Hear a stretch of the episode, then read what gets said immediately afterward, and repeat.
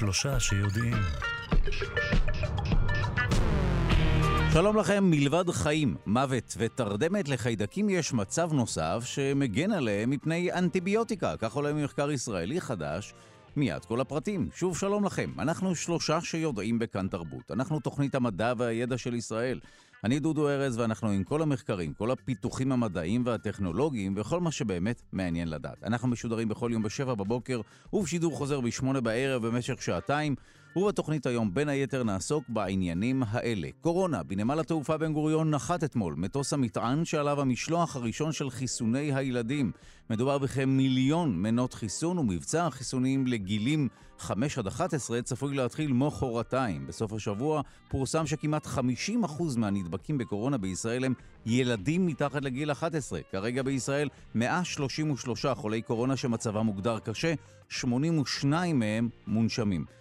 ועוד עניינים, לחיידקים יש מצב קיום רביעי שהוא על סף מוות או מצב משובש או כאוטי שמגן עליהם מפני אנטיביוטיקה. כך עולה ממחקר חדש שנערך על ידי חוקרים מהאוניברסיטה העברית מיד נדבר עם מי שהובילה את המחקר. וגם, אבחון אוטיזם לפני גיל שנתיים וחצי עשוי להוביל לשיפור משמעותי ביכולות החברתיות של הילדים. כך עולה ממחקר חדש שנערך במרכז הלאומי לחקר אוטיזם, שותפות ייחודית בין מדענים מאוניברסיטת בן גוריון בנגב ורופאים במרכז הרפואי אוניברסיטאי סורוקה. וגם, מאובן בן 146 אלף שנים חושף מין חדש של אדם, גם בכך נעסוק.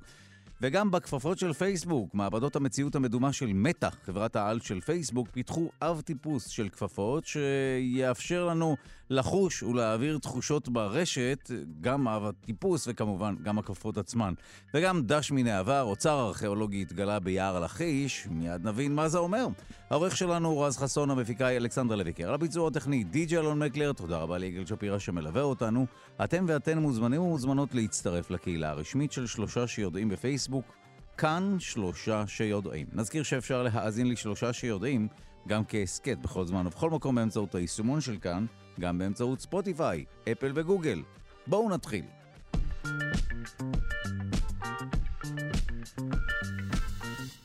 מלבד חיים, מוות ותרדמת לחיידקים יש מצב נוסף שהוא על סף מוות או מצב משובש או כאוטי שמגן עליהם מפני אנטיביוטיקה. כך עולה ממחקר חדש שנערך על ידי חוקרים מהאוניברסיטה העברית. מי שהובילה את המחקר היא פרופסור נטלי בלבן שכבר נמצאת איתנו על הקו. במחקר השתתף גם הדוקטורנט יואב קפלן ממכון רקח לפיזיקה באוניברסיטה העברית. אנחנו שמחים לומר שלום אה, למובילת המחקר, פרופסור נטלי בלבן, ביו-פיזיקאית, חוקרת במכון רקח לפיזיקה האוניברסיטה העברית. שלום. שלום, שלום. למדי אותנו על uh, המצב הרביעי של החיידקים, מה, איך הגעתם לזה ומהו אותו מצב? המצב הכאוטי הזה הוא בעצם, uh, כמו שאמרתם, uh, מצב uh, בין uh, חיים למוות, uh, שחיידקים uh, נכנסים אליו כשהם נחשפים לתנאי סביבה קשים להם, קשים מדי, כדי שהם יוכלו לטפל בהם עם המערכות הרגילות שיש להם.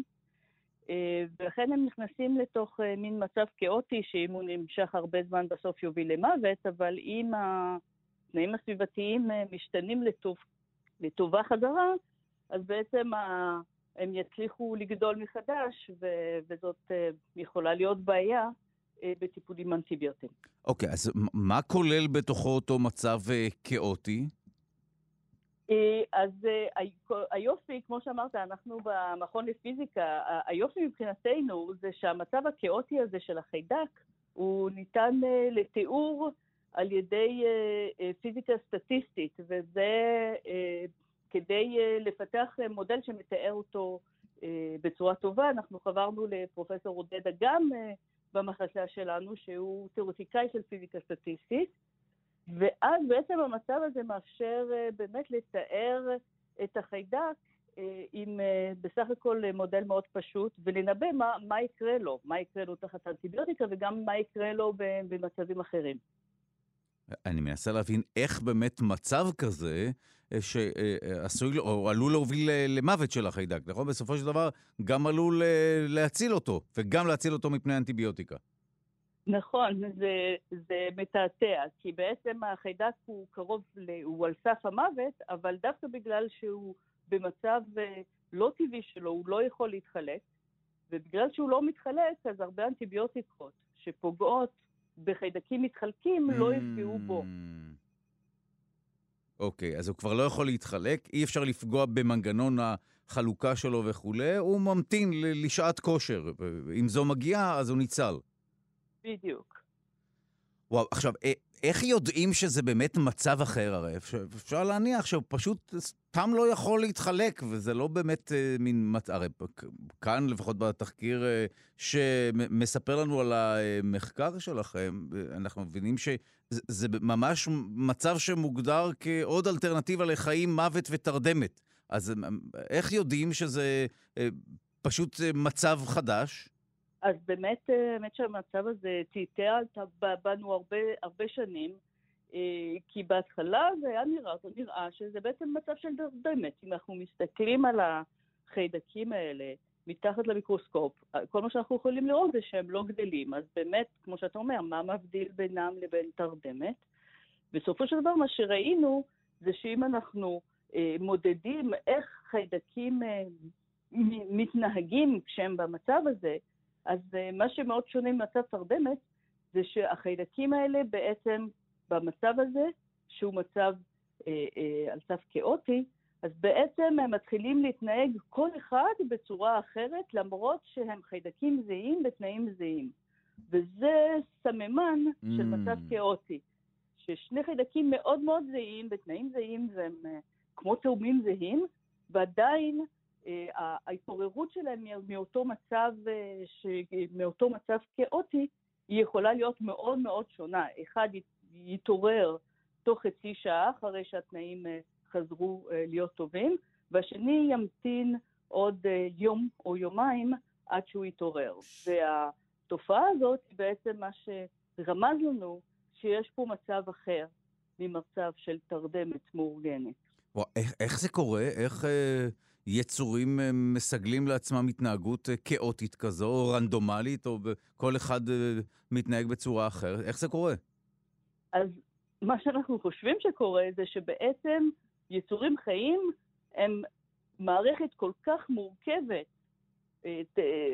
זה מערכת עם, ה, עם עשרות אלפי חומרים שונים שכל אחד פועל ומשפיע על חומר אחר, שבעצם אם החיידק לא משתמש בכל המנגנונים שלו כדי שהמצב הכאוטי לא יהיה, המצב הכאוטי הזה בעצם יהיה.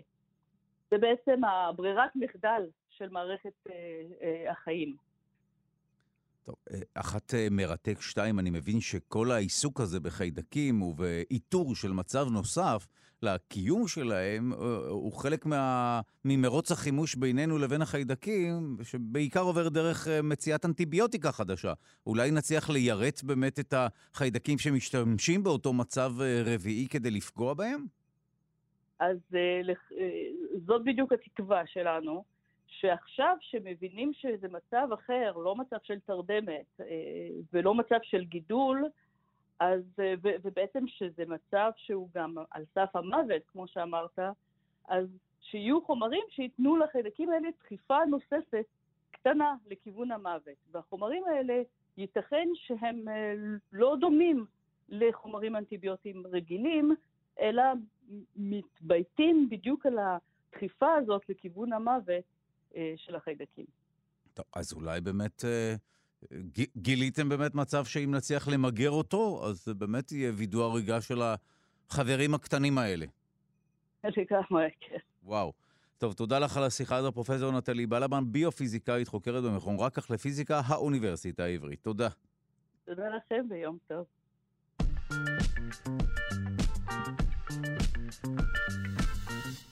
מסננים באופן סלקטיבי. ממברנות שפותחו על ידי חוקרים מהטכניון קרומים, יחד עם עמיתיהם מגרמניה, אותן ממברנות מאפשרות סינון סלקטיבי ומדויק של חלקיקים ננומטריים. מי שהובילה את המחקר היא דוקטור תמר סגל פרץ, שכבר נמצאת איתנו על הקו. המחקר נערך יחד עם הדוקטורנט אסף סימון מהפקולטה להנדסה כימית על שם וולפסון, והחוקרים מגרמניה. הדברים פורסמו בכתב העת Advanced Materials, והיישומים של הפיתוח רבים, בין אם בתעשיית התרופות, בתחום טיהור המים ועוד. מיד נשמע, אנחנו שמחים לומר שלום למי שהובילה את הפיתוח הזה, דוקטור תמר סגל פרץ מהפקולטה להנדסה כימית בטכניון. שלום.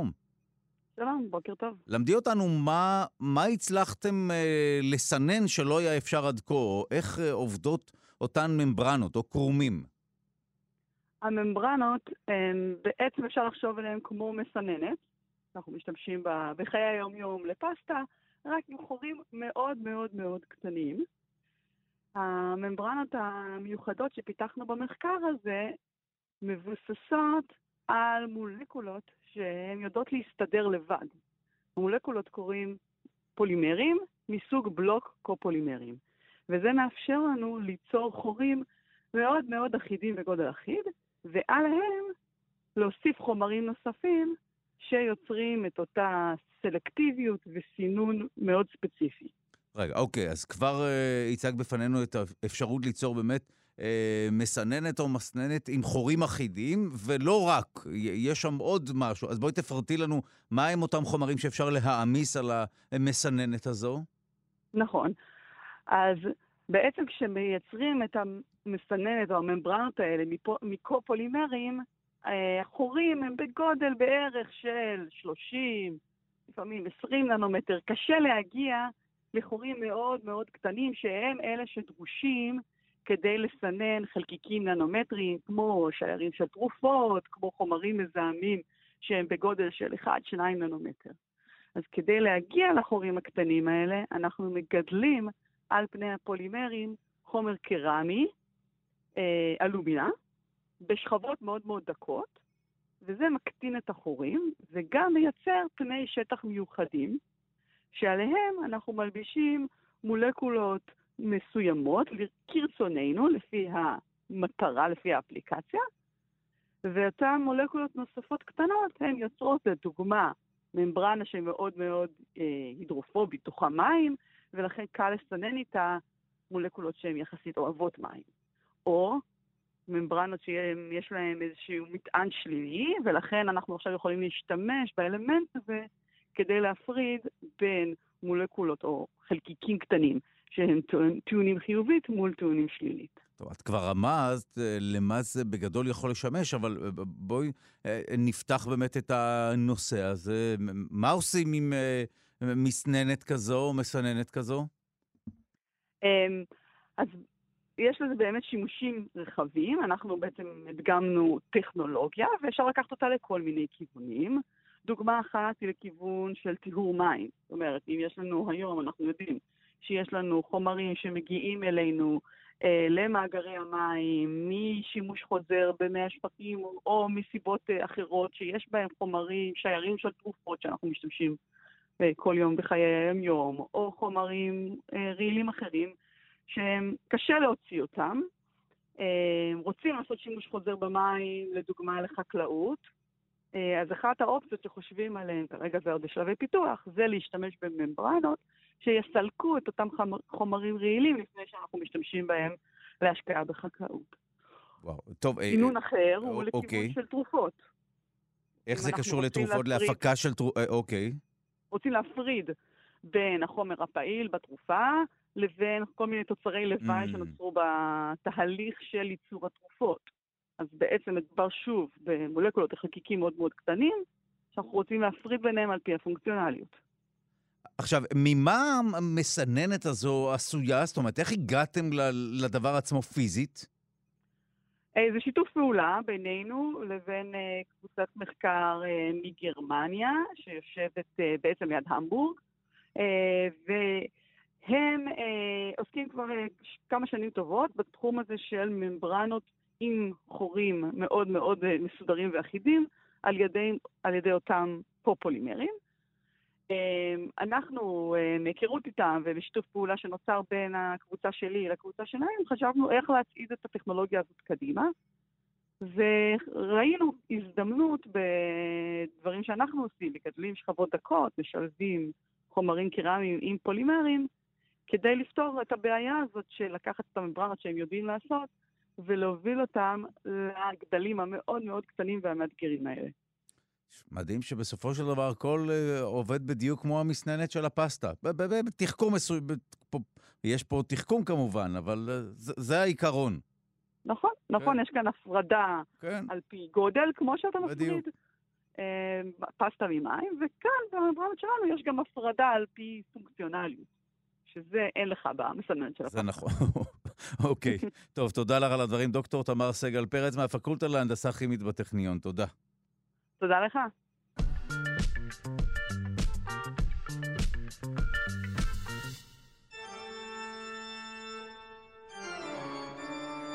מאובן בן 146 אלף שנה חושף מין חדש של אדם. מדובר במאובן שנמצא בצפון ומזרח סין לפני כ-90 שנה, אבל הוא הוסתר עד לאחרונה.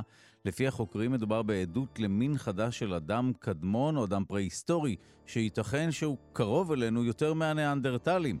החוקרים העניקו לו את השם הומו לונגי או דרגון מן. אנחנו שמחים לומר שלום לפרופסור לירן כרמל, חוקר ומרצה במחלקה לגנטיקה, האוניברסיטה העברית. שלום. בוקר טוב, שלום. יש אה, כל כך הרבה מינים של בני אדם, אנחנו לא עומדים בשטף הזה. ממש, יש, אה, יש אינפלציה. מה זה? היה... זה? אנחנו יותר, יותר מגוונים יותר מחיידקים וחרקים. אני בהלם, המחקר מכה בנו. אז מה הסיפור באמת במחקר הזה? אז זה באמת גולגולת שהסיפור האינדיבידואלי שלה הוא מרתק, כי זה גולגולת שנמצאה באיזושהי עבודת כפייה שביצעו סינים, עוד כשהם היו בזמן של כיבוש יפני, ומי שמצא את הגולגולת החליט להסתיר אותה מהשלטונות היפנים, והיא הסתתרה בבאר באמת כמעט 90 שנה. ועכשיו החוקרים עשו לה אנליזה מאוד, מאוד מפורטת של ה... בעצם זו גולגולת במצב שימור מצוין, שמראה אה, המון המון תכונות.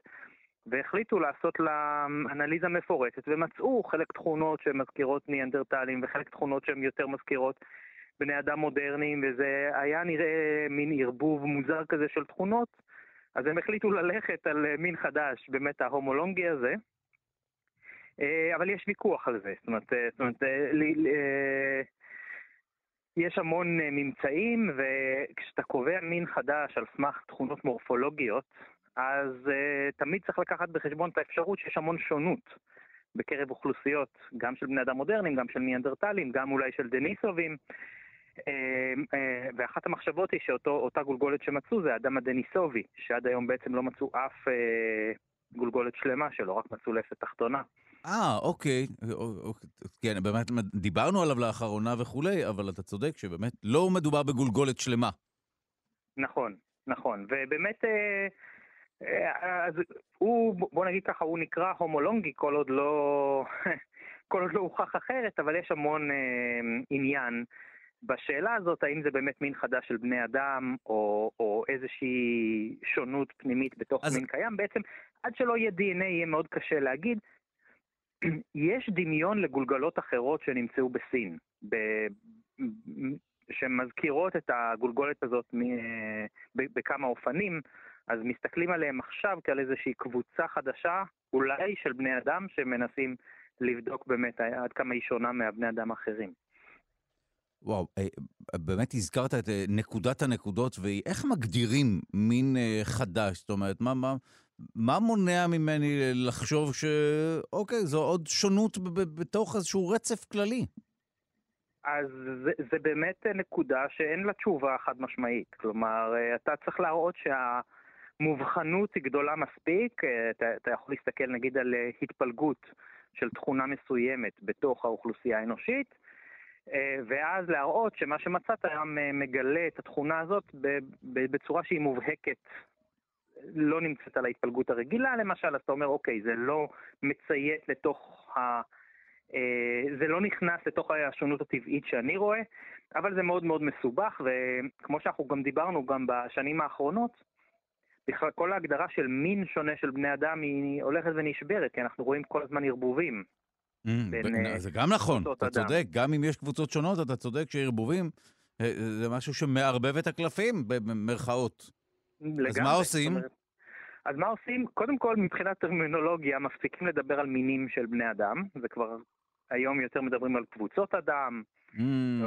ואתה בעצם מבין שככה זה באבולוציה. כשאתה מסתכל על נקודות, אה, על... כשאתה מסתכל על אה, איזה שהן אוכלוסיות, שעבר הרבה זמן מאז שהם התפצלו, כמו אדם ושימפנזה, אז אתה יכול לדבר על מינים שונים ויש לזה המון הצדקות בכל מיני מובנים, אבל כשאתה יורד לרזולוציה של זמן שהיא הרבה יותר מצומצמת, נגיד שאנחנו מדברים על מאות אלפי שנה, כמו שזה הזמן האופייני ל... לפיצולים בינינו לבין ניאנדרטלים, לבין דניסובים, לבין ההומולונגי, לבין כל האחרים, אז המושג הזה של מין הוא הולך ומטשטש, אתה יותר מדבר על רצף. שמע, זה באמת אה, מסקרן והופך להיות אה, מסובך ככל שחושבים על זה. נכון. ממש, גם בערבובים וגם זה, אכן מדובר באיזשהו סוג של רצף. אה, קשה מאוד להבדיל, אבל אני חושב שכן ההבחנות האלה שמדובר בקבוצות ולא במינים שונים, שזה כביכול היו בעלי חיים שונים, או איזושהי קפיצת מדרגה בין מין מסוים לאחר וכולי, זה ככל הנראה הרבה יותר מורכב מזה. ככל הנראה זה הרבה יותר מורכב, ככל הנראה אנחנו רואים את זה המון בבני אדם, כי אנחנו חוקרים המון בני אדם, אבל זה כנראה ככה כללי. כלומר, בכל קבוצת בעלי חיים שתסתכל על רזולוציה של זמן שהיא מספיק מצומצמת, אתה תראה דברים כאלה של המון mm. ערבובים והמון אה, קרוסים של גנים, כמו שבאוכלוסייה האנושית יש גנים של ניאנדרטלים ושל דניסובים. אה, אז זה באמת, אה, הכל נהיה אה, תמהיל. אז אני מרגיש שהשיחה הזו היא באמת הגיעה במקומה, כי אנחנו מדברים הרבה על מינים שונים וכולי, ואולי באמת צריך להפסיק עם זה, אולי נפסיק לעסוק בזה. ננסה להבין אה, מה ה-DNA הזה מספר לנו וכולי, אבל ההגדרה של הנה, זה עוד, אה, הנה עוד חוליה חסרה בתוך החוליות החסרות, עוד, זה, זה, זה כבר לא כך. נכון מאוד, זאת אומרת, אה, זה, זה באמת הסתכלות, אני חושב שה... העולם המדעי מאמץ את זה בשנים האחרונות, במיוחד מאז שיש לנו DNA, ו-DNA מאפשר לך הסתכלות מזווית קצת אחרת, ולראות את כל ה... אה, אה, איך, איך, איך קורה הרצף הזה. אז, אז אולי אה, אה, נחדד את הקריאה אה, ובשמך נקרא לבטל את כל המחקר שעוסק במינים חדשים של אנשים וגולגלות עתיקות. אני מנסה לחלץ כותרת בכוח. לא, לא. זהו, שלא הייתי לא. אומר לבטל, אבל לשלב את הכל ביחד עם, ה, עם ההבנה ידעתי שהכל... שלא תיפול בפח הזה. אוקיי, בסדר גמור. אבל שוב, מעניין, אבל באמת מעבר לגולגולת הספציפית הזו, שבאמת יש לה סיפור מרתק וכולי, זה באמת אומר משהו על, על המצב המורכב מאוד, והיכולת שלנו להבין וקצת לשנות חשיבה בכל מה שקשור לחקר האדם הפרה-היסטורי. נכון מאוד, נכון מאוד. זה... אנחנו, אני חושב שאנחנו בכלל, ב...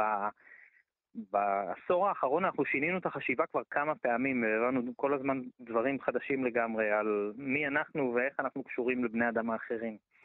וואו, טוב, מרתק. תודה לך על השיחה הזו. החוקר פרופסור לירן כרמל, מרצה במחלקה לגנטיקה, האוניברסיטה העברית. תודה. תודה רבה, ביי.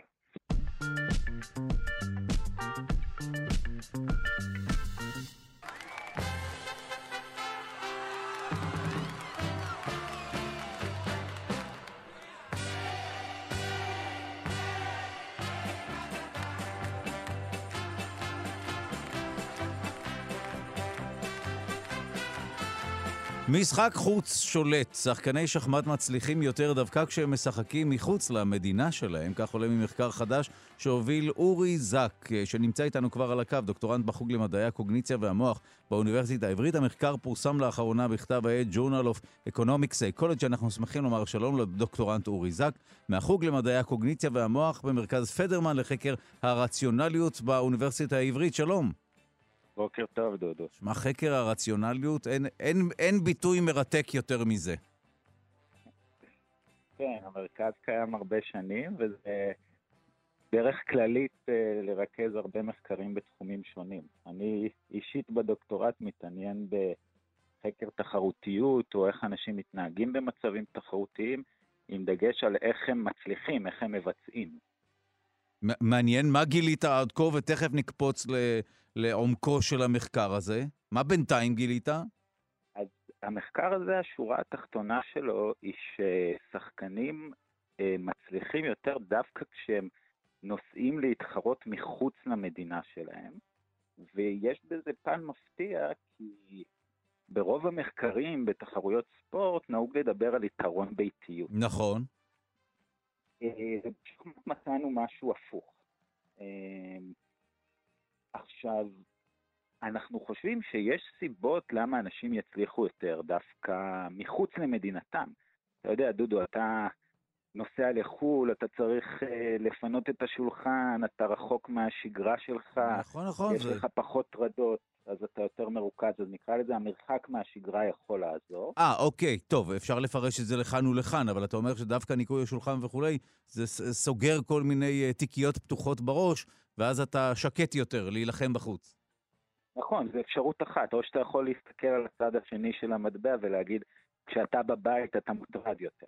מעניין. להפריד בין השניים. והמנגנון השני שאנחנו מציעים הוא בעצם שאנחנו קוראים לזה מאמץ מעודד מאמץ. זאת אומרת, כאשר אתה נוסע לחו"ל, זה כרוך בהשקעה, זה יכול להיות השקעה כספית, זה יכול להיות השקעה של, של אה, זמן, של משאבים, ואתה עכשיו אה, נסעת להתחרות בתחומך בנורבגיה או משהו, חשוב לך מאוד להצליח, אתה לא רוצה לחזור בידיים ריקות, ו... זה לא השגרה שלך שאתה תגיד, אוקיי, בישראל אני יכול להתחרות גם שוב, לא יקרה כלום. אז זה נותן לזה איזה משהו מיוחד שאולי נותן לאנשים מוטיבציה. ש... אוקיי, הייתי, אני מקבל את זה כעוד טיעון. השאלה אם זה הטיעון שבסופו של דבר שולט ו... וגורם לך להיות טוב יותר. אז אני אסביר. תראה, הטיעונים האלה שנתתי הם רק הסברים אפשריים. המחקר שלנו, בעצם המעבדה שלנו במרכאות היא תחרויות שחמט. והחיסרון של מעבדה כזו היא שקשה מאוד לדעת מה קורה מתחת לפני השטח. אני גם לא יכול לבוא להגיד, בוא נעשה מחקר עם הקצאה מקרית, דודו, אתה תיסע לחו"ל, אורי, אתה תישאר בארץ, ובוא נראה מה קורה. כן? אולי אם אלה אחים תאומים שממש, אבל ממש זהים, והכל אותו דבר. קשה. קשה, מה שהשיטות הסטטיסטיות מנסות לעשות זה באמת לדמות מצב כזה. בתחרויות שח גם יש דבר שנקרא מדי כושר. אלו דירוגים של השחקנים שנחשבים מאוד מהימנים, זה מעין מספר כזה שנע על סקאלה בין 1,300 ל-2,800, לא משנה, והוא מתעדכן כל הזמן בהתאם לתוצאות שלך. וזה משהו ייחודי של הסיטואציה, ש... תשמע, אולי שחקנים שנוסעים לחו"ל הם מראש היותר טובים, נכון? גם נכון, פה... נכון. שום דבר. אז הנתונים מאפשרים לנו לבדוק את זה. אנחנו יודעים המון מידע על השחקנים, את המין שלהם, את הגיל שלהם, את הניסיון התחרותי שלהם בחו"ל, והשיטות הסטטיסטיות מאפשרות לשלוט על כל זה ולזקק את הקשר בין נסיעה לחו"ל לבין ביצועים. וואו, עכשיו, טוב, אנחנו מדברים כאן ספציפית על שחמט. זה, זה משהו שהוא ספציפי או קונקרטי, או שזה משהו שאפשר אה, אה, לקחת ולהכליל ממנו? כמו, כמו בכל מחקר, הייתי אומר, צריך מאוד להיזהר כשמנסים להכליל מסיטואציה אחת לשנייה. אמ, יש משהו ייחודי בשחמט, וזה שאין קהל, או הקהל הוא מאוד שקט, והשופטים הם לא אקטיביים, הם מקבלים החלטות מאוד טכניות. בשונה מכדורסל, כדורגל והמון תחומי ספורט אחרים. עכשיו, אנחנו חושבים שהסיטואציה הזאת מאפשרת ליתרונות האלה שאמרתי לך בהתחלה, בהתחלה, היתרונות הפסיכולוגיים האפשריים של להיות בחו"ל, לבוא לידי ביטוי, כי בתחומים אחרים לא רואים את זה. אתה משחק אה, במגרש הבית, אתה מכיר את המגרש יותר טוב, הקהל מעודד אותך, לפעמים השופטים אפילו מוטים בגלל ההתנהגות של הקהל וקוראים החלטות לטובתך, ואז היתרון חוץ הזה נבלע. ואי אפשר לגלות אותו בתחומים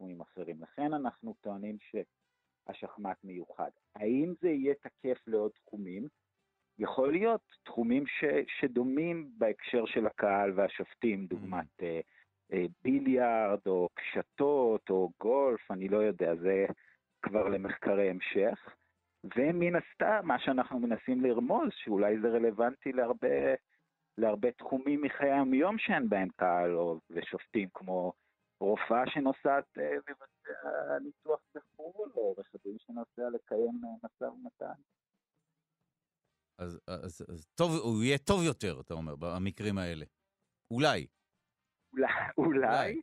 ו- וזה בהחלט uh, מצריך מחקר uh, נוסף, אבל אולי המרחק הזה מהשגרה מעניין. והמוטיבציה להצליח דווקא כשאתה רחוק מהבית יכולים uh, לשפר את. באמת מעניין uh, לבדוק מה זה עושה לנו כשאנחנו מתנתקים מההקשר, מהלופים הרגילים של החיים שלנו, ויש בכך יתרונות, אני חושב שכולנו מבינים שיש יתרון בלצאת מהשגרה וכולי, לא? בין היתר זו הסיבה שאנשים נוהרים לחו"ל כדי לברוח מהשגרה. כן, אני חושב שבנסיעה שגרתית יש משהו שאתה מנסה לקחת ברייק, לאגור אה, משאבים. הכוונה פה היא להתמקד באנשים שזו חלק מהשגרה mm, שלהם. אוקיי, אז... ורגילים לזה.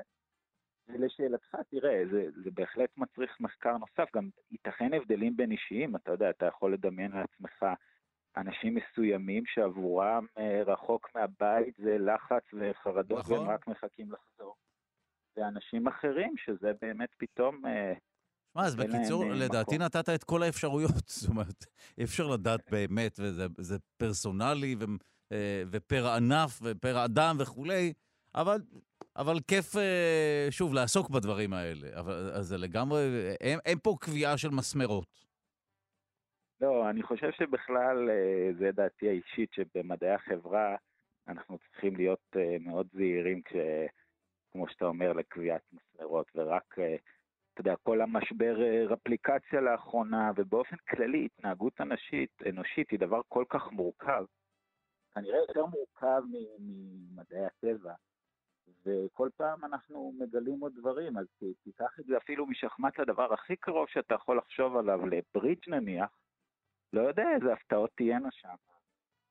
הפתעות, ואיך העובדה שבברידג' זה הם משחקים בשיתוף פעולה ובצוות כזוג ולא כיחידים, איך זה משפיע, אז כל דבר כזה בעיניי מצריך אה, מחקר נוסף.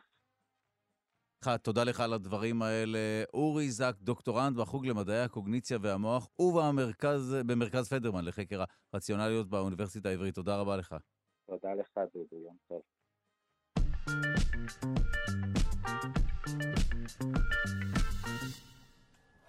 דש מן העבר. אוצר ארכיאולוגי התגלה ביער לכיש. מדובר במבנה הלניסטי מבוצר שהיה חלק ממערך הביצורים של הצבא ההלניסטי, עדות לקרב שהתרחש בין החשמונאים לסלבקים לפני כאלפיים שנה. מנהלי החפירה באזור הם סער גנור, אחינועם מונטגיו וולדי קליפשיץ, שכבר נמצא איתנו על הקו, מנהל נפת לכיש ברשות העתיקות. שלום. מיד אנחנו אה, נעלה את אה, ולאדי קליפשיץ, שהיה אחראי על החפירות שם במקום, הוא איתנו. שלום לך. בוקר טוב, דודו. אה, ספר לנו מה בדיוק אה, מצאתם שם.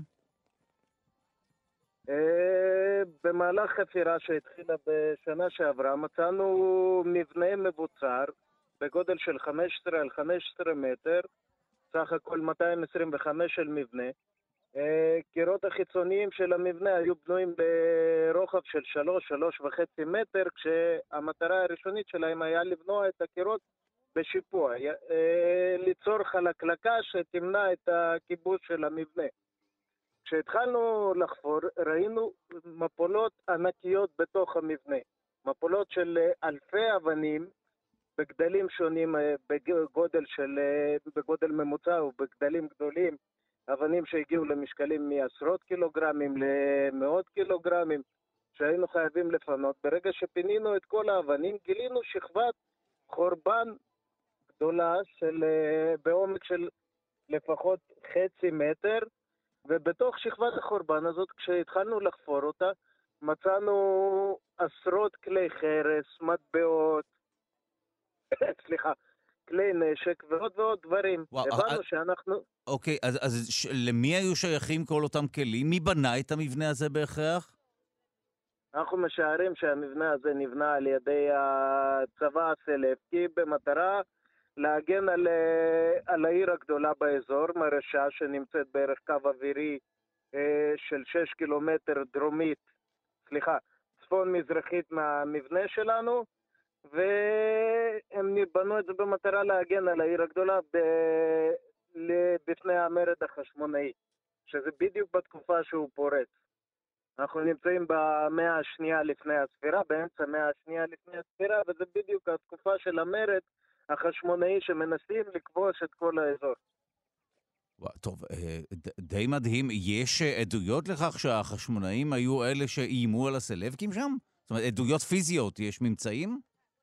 עדויות פיזיות, אה, כן, דבר ראשון, יש לנו ממצאים של המטבעות עצמם, שהם, שהמטבעות מהזיהוי ראשוני מראים על כך שאנחנו ממש בתקופה ושיושבי המצודה, יושבי המבנה המבוצר, סליחה, הם בעצם אותם הסלפטים. עכשיו, החורבן באזור, אנחנו יודעים ממקורות ראשוניים שהתרחש על ידי מסעות, מסעות של החשמונאים שהיו כמה וכמה מסעות באזור, כשהמסע הגדול ביותר של כיבוש כל אזור אדומיה, אנחנו כמובן נמצאים בתוך אדומיה, שהמסע הגדול התרחש בשנת 112 על ידי יוחנן אורקנוס, שבעצם כובש את כל האזור, את כל האזור ומגייר את אדומיה. וואו, אה, שמע, אה, אה, עדות מרתקת לכך. איפה אפשר לראות את הממצאים? אתה מתאר הרבה מאוד ממצאים באזור. תקשיב, דודו, אנחנו עכשיו בשלב של באמצע החפירה, ואנחנו לקראת סיום החפירה. ברגע שנסיים אותה והכול, אנחנו כמובן נפרסם את כל הממצאים שהציבור יוכל לראות אותם. תבטיח לי שתפרסם קודם כל בתוכנית שלנו, כמובן. אני אשתדל. זהו, אוקיי, אז לא התחייבת, אבל בסדר. תודה רבה לך, מנהל נפת לכיש ברשות העתיקות ולאדי קליפשיץ, תודה רבה. בבקשה, להתראות, יום טוב, דודו.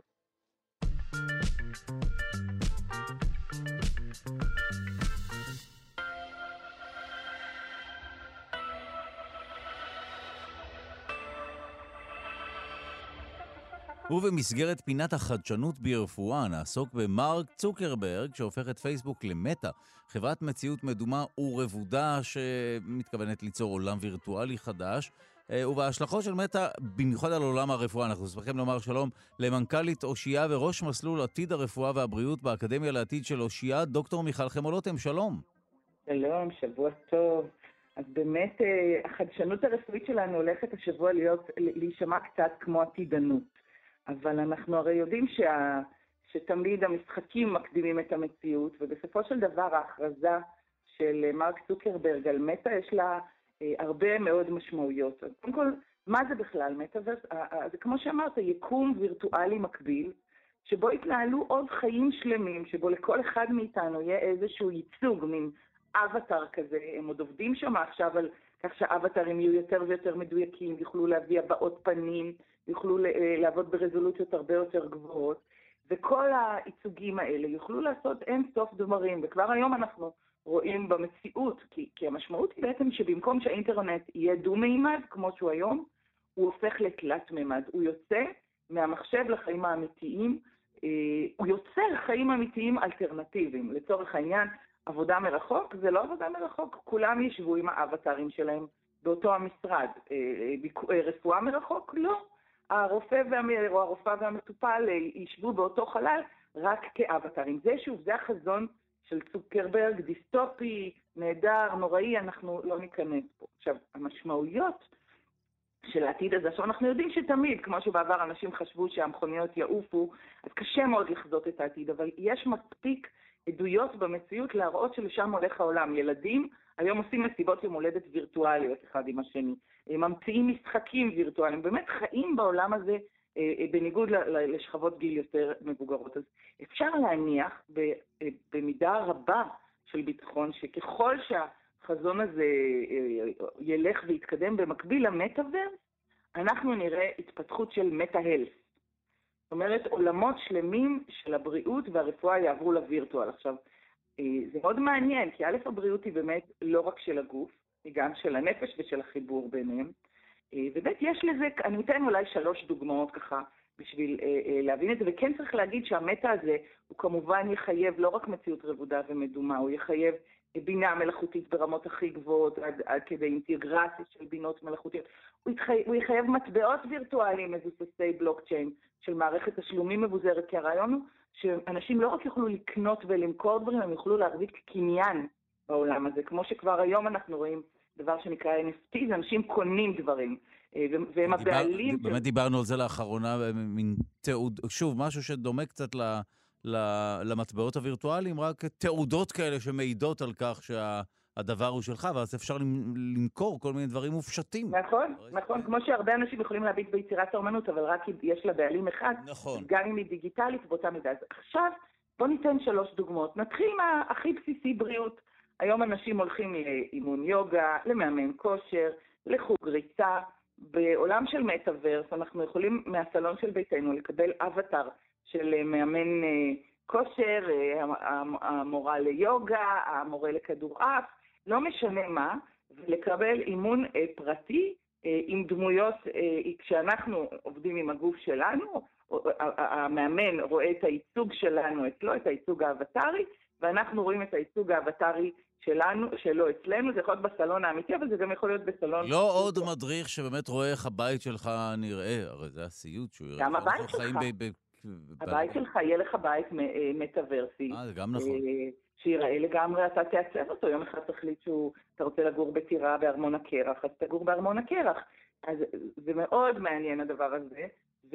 והמשמעויות למשל על כל הנושא של פעילות גופנית, שאנחנו יודעים כמה היא חשובה לבריאות, אני רק נותנת את זה כדוגמה כדי לגרות את הדמיון, לחשוב על עוד ועוד פיתוחים, כי בשביל יקום כזה מטאוורסי, ובפירוש כדי שהוא יהיה מטהלסי כזה וייתן בריאות, אז הרבה מאוד אפליקציות יצטרכו להיות מפותחות, והם כבר יוצרים סביבה של אפליקציות כאלה. אני כבר אגיד לך גם שהתאומים אה, וינקלבוס, נדמה לי קוראים להם, אלה שטענו שמרק צוקרברג גנב להם את אה, פייסבוק בזמנו, ובעצמם נעשו מיליארדרים ממטבעות וירטואליים, אה, מגייסים מאות מיליוני דולרים כדי להקים עולם מטא מתחרה לפייסבוק. זאת אומרת, יש פה בפירוש איזושהי מגמה שגם הכסף זורם לכיוונים האלה. מעניין, באמת... באמת מעניין אם זה יהיה מעבר למשהו שהוא גימיקי, אה, אבל, אבל נשמע שעל פניו האנשים האלה שמובילים את הטכנולוגיה של, אה, של ההווה, הם יודעים מה, מה יהיה בעתיד, ככל הנראה. הטכנולוגיה מתחברת פה לסוציולוגיה ולמגה טרנדים. לכן נתתי את הדוגמה של ילד שעושה מסיבת יום הולדת וירטואלית. הטכנולוגיה לא יכולה אף פעם ללכת בניגוד לרצון של בני האדם ולטרנדים. אבל הטרנדים האלה, או המגה טרנדים, טרנדים חוצים, הולכים ומשתנים מול עינינו. בעבר היית אומר, בן אדם, אתה סומך על בינה מלאכותית או על רופא. היית רואה אה, אה, נוקאוט לרופאים. לאט לאט, דורות, אה, עם החינוך של הציבור, דורות צעירים בוודאי, ייתנו אמון גם בבינה מלאכותית. אז יש פה טרנדים מאוד חזקים של מעבר לווירטואל ולדיגיטל שהקורונה האיצה, שגורמים לי להאמין שאני לא יודעת שוב איך זה יתבטא במציאות, אבל החזון המטאוורסי הזה הוא, הוא, אה, הוא, הוא חלקו כבר באיים נמצא במציאות של המאה ה-21 של 2021. אז, אז כן. טוב, כן. תראי, הפינות האלה תמיד אה, גורמות לי לתחושה של דיסוננס אדיר בין העובדה שביום חמישי הלכתי לרופא כי לילד היה חום והוא צעק עליי, לא קבעת תור, תחכה. ואחרי, וכששאלתי אותו שוב, אחרי עשר דקות, הוא אמר לי, אמרתי לך, תחכה ואל תשאל שוב. אה, פשוט, העולם הממשי שלנו הוא כל כך שונה מהמטה וכל היקומים נכון, הווירטואליים נכון, נכון. וכולי, עדיין צריך להגיע למרפאה של אדם שרוטן וזועף ומתנהג כאילו זמנך הוא לא חשוב וזמנו חשוב, ואיך אתה מעז וכולי. אה, מקרה פרטי כמובן, אני כמובן לא מקרה פרטי, רוב פרטי, רוב הרופאים הם נהדרותים ונהדרים, אבל מדי פעם הם גם בני אדם. אבל כן- מדי פעם הם בני אדם והם גם אה, בני אדם לא נעימים. נכון, נכון, נכון. חוץ משנינו, nobody is perfect uh, except the two of us, and I sometimes wonder about thee, אז כל השאר הם, יש להם בעיות, זה נכון. אבל בואו נמשיך, כי בדיוק הדוגמה של הרופא. בבקשה. בואו, אני רוצה דווקא לקחת את הדוגמה הזאת, אה, ודיברנו על, אוקיי, אז אתה כבר לא תלך אולי עם הילד בכל מקרה, שוב, גם לילד יש גוף, אז אם יהיה לו אפנדיקס, חס וחלילה כנראה, תרוצו למיון של איכילוב, לא, לא יהיה מנוס מזה. יחד עם זה, הרי איזה טיפולים יש היום ברפואה? יש לנו את כל הטיפולים התרופתיים, שגם הם עוברים שיבוש אדיר. יש לנו אה, את, ה, את הטיפול בתזונה ובתוספים, יש לנו טיפול במגע, פיזיותרפיה, אוסטאופתיה, נכון. יש לנו טיפול בתנועה ויש לנו טיפול אה, אה, אה, מכני, כירורגי, אה, אה, פיזי. אה, זה דוגמאות. עכשיו, תחשוב שעכשיו מתווספים לנו אה, עולמות שלמים של טיפולים וירטואליים, למשל מציאות מדומה. יש היום הרבה מאוד מקרים, ועשינו על זה פינה, שהיא ממש משמשת כמו תרופה. לגמרי, זה ודאי טיפול מהפכני, אני... אז אוקיי, אז לרשום לילד שלך, אתה תגיד לו, תשמע, יבחנו הפרעת קשב לא בילד שלך, בילד אחר, לא יודעת שלי, ואז יגיד, אוקיי, הנה, בבקשה, ואתה א', לא תלך לשם, אלא פשוט uh, תשלח לו את החומר ואיזה עוזרת וירטואלית חיננית שמעולם לא מתרגזת תחזור ותגיד, אכן זו הבחנה נכונה שגם אותה דרך אגב יעשו במבחן שהוא כולו דיגיטלי. אה, ואז מי ירשום לך, ותוך שנייה יפתחו בשביל הילד שלך טיפול מותאם ספציפי להפרעת הקשב, שכולל גם תנועה, כמובן, עם המאמנת כושר הווירטואלית, כי אנחנו יודעים כמה תנועה גוף, אה, אה, טובה לטיפול בהפרעת קשב, אבל גם איזה שהם תרגילי דמיון מודרך מרגיעים, והוא יעשה לעצמו את האבטארית שלו, שתרגיע אותו. זאת אומרת, תחשוב על המשמעויות של מימד, מימדים טיפוליים נוספים, ושילוב בין הטיפולים. הרי טיפול הוא אף פעם לא רק כדור או תרופה. הוא תמיד, שוב, ילדים לרוב מחלימים לבד, אבל במצבים יותר כרוניים או מורכבים אנחנו תמיד נדרשים לשנות את התזונה נכון. ואת התנועה, ואולי קצת לצאת לאוויר הצח ולפגוש חבר... הבריאות היא לא רק איזושהי תרופה שנותנים לנו. ובעולם מטאוורסי כזה, אז המטה-הלט ייראה אחרת. שוב, אני רק נותנת את זה כטעימה, אני באמת עוד לא ביקרתי בעולם הזה, אני מחכה לראותו, ביקרתי בסימולציות קטנות שלו.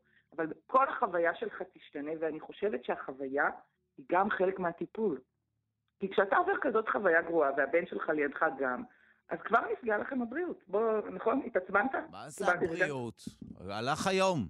ואגב, נכון. הוא באמת, אה, אנשים לא מבינים, אבל הם מייצגים, אה, כל אדם מייצג אה, איזושהי קבוצה ב- ב- ב- בראש שלנו, כי הרי אנחנו עובדים, את יודעת, עם אסוציאציות וניסיון לגבש דעה על קבוצות, לצערנו.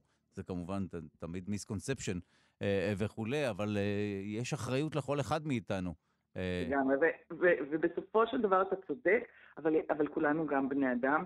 אני לא מצדיקה בשום אופן, אבל אני חושבת שככל שיהיה עוד אלטרנטיבות לזמן המסכן הזה של הרופאים שכל הזמן עמוסים נכון, ולחוצים נכון. ורואים ילד כל חמש דקות, יהיה להם קצת יותר לנשום ולחייך. אני יודעת שאנחנו לקראת הסוף, אני לא יכולה, לא לפחות לזרוק לך טיזר. דיברנו על בריאות, איך ייראו אימונים גופניים, דיברנו על רצף הטיפול בעולם מטאוורסי, באמת ועכשיו אני רק אזרוק שאלה, ומה, איך נראה המוות של ישויות דיגיטליות של האבטרים שלנו? טוב, אנחנו uh, נסתפק בדברים האלה, כי אנחנו יוצאים לחדשות. תודה רבה לך, uh, מיכל חמולוטם, מנכ"לית אושייה וראש מסלול עתיד הרפואה והבריאות באקדמיה לעתיד של אושייה. תודה.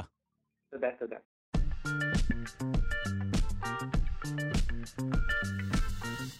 אבחון אוטיזם לפני גיל שנתיים וחצי עשוי להוביל לשיפור משמעותי ביכולות החברתיות של הילדים. כך עולה ממחקר חדש, השיפור פי שלושה. מיד נבין גם איך מודדים את רמת השיפור, איך מכמתים אותה.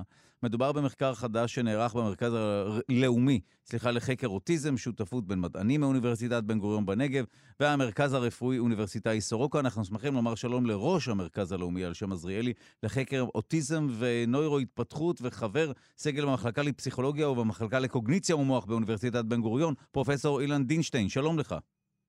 בוקר טוב, שלום. אנחנו נשמח uh, ללמוד קודם כל uh, על אבחון uh, אוטיזם, ואז נבין מה עושים כדי לשפר את המצב, ולמה כל כך חשוב שיגלו את המצב הזה עד גיל שנתיים וחצי. כן, אז האבחון הוא תהליך יחסית ארוך, הוא דורש סדר גודל של ארבעה ביקורים אה, במכון להתפתחות הילד או במרכז דומה, שבהם מסתכלים על ההתנהגות של הילד בכל מיני צורות ומחליטים האם ההבחנה מתאימה. ומה שחשוב לדעת על התהליך הזה זה שהאתחול שלו יכול לקרות במגוון גילאים, בין גיל שנה ועד אה, אפילו בגרות. אמ, והסיבות למה משפחות מסוימות מגיעות מוקדם או מאוחר הן אה, וריאביליות. זה לאו דווקא שילדים אה, עם סימפטומים קשים מגיעים מוקדם, יש מגוון של ילדים שמגיעים בכל מיני גילאים. איזה סימפטומים בדרך כלל מדליקים אצל ההורים נורות מתאימות? אה, אז הקלינאים בדרך כלל רגישים, גם הקלינאים, גם המורים בגנים אה, וגם ההורים כמובן. אה, הרבה פעמים מרגישים שמשהו בתקשורת החברתית עובד אחרת.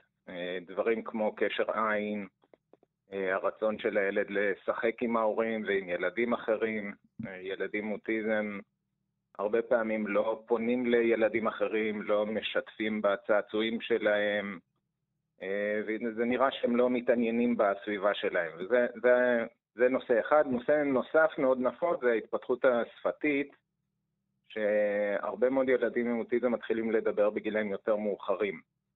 והעניין הזה של, ה... יש עיכוב שפתי שגם אה, בילדים ללא אוטיזם... זהו, שחשוב באמת שהורים לא יילחצו, כי אנחנו יודעים שהורים נלחצים מכל דבר כזה, זה לא בהכרח מעיד, זה לא חד-חד ערכי, נכון? זה נכון שזה לא חד-חד ערכי, יש, אה, אה, יש הרבה ילדים עם עיכוב שפתי שאין להם אוטיזם, אבל לרוב הגדול של ילדים שיש להם אוטיזם, יש להם גם עיכוב שפתי. Mm. אז אם, אם אה, יש עיכוב שפתי, אז כדאי ללכת ל... אה, לפחות לקלינאי תקשורת, או מישהו שמכיר את הנושאים האחרים ויודע להבדיל האם אה, מדובר פה רק בעיכוב שפתי או האם יש צורך בבירור נוסף. אוקיי, okay, אז בוא נדבר באמת על האבחון של עד גיל שנתיים וחצי, ואז מה עושים? זאת אומרת, איך משפרים את היכולות, יכולות התקשורת החברתית של אותו ילד? זה ילדים אחרי האבחון, אה, אחת הבעיות זה, הם נשלחים למסגרות אה, טיפול. יש, אה, בארץ יש שתי אופציות בגדול, או שנכנסים למסגרת של שילוב, הרבה פעמים עם סייעת בגן רגיל, או שנכנסים לגן חינוך מיוחד, ו... ויש הרבה שונות בטיפול שהילדים השונים מקבלים. אה, בגני תקשורת זה כולל הרבה פעמים אה, עבודה עם קלינאי תקשורת, עם אה, פסיכולוגים התפתחותיים ועם צוות גן שיש לו הכשרה בשיטות טיפול שונות לאוטיזם.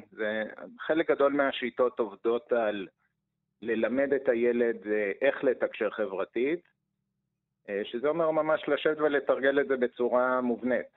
אז בניגוד לילדים ללא אוטיזם שלומדים את זה לבד באופן ספונטני, עם הילדים עם אוטיזם מנסים ללמד אותם באופן יותר אה, ברור, כן? עם כללים ברורים וסדרות של פעולות. ואם הדבר הזה קורה באמת עד גיל שנתיים וחצי, השיפור, כך כתוב בתחקיר אה, שמתבסס על המחקר, הוא פי שלושה. כן, אז, אז פה חשוב לדבר טיפה על מה אנחנו, מה נמדד ואיך. אוקיי. אז יש, יש מבחן סטנדרטי שמשתמשים בו בכל העולם בשביל, גם בשביל לזהות אוטיזם וגם בשביל לקבל איזשהו מדד של החומרה.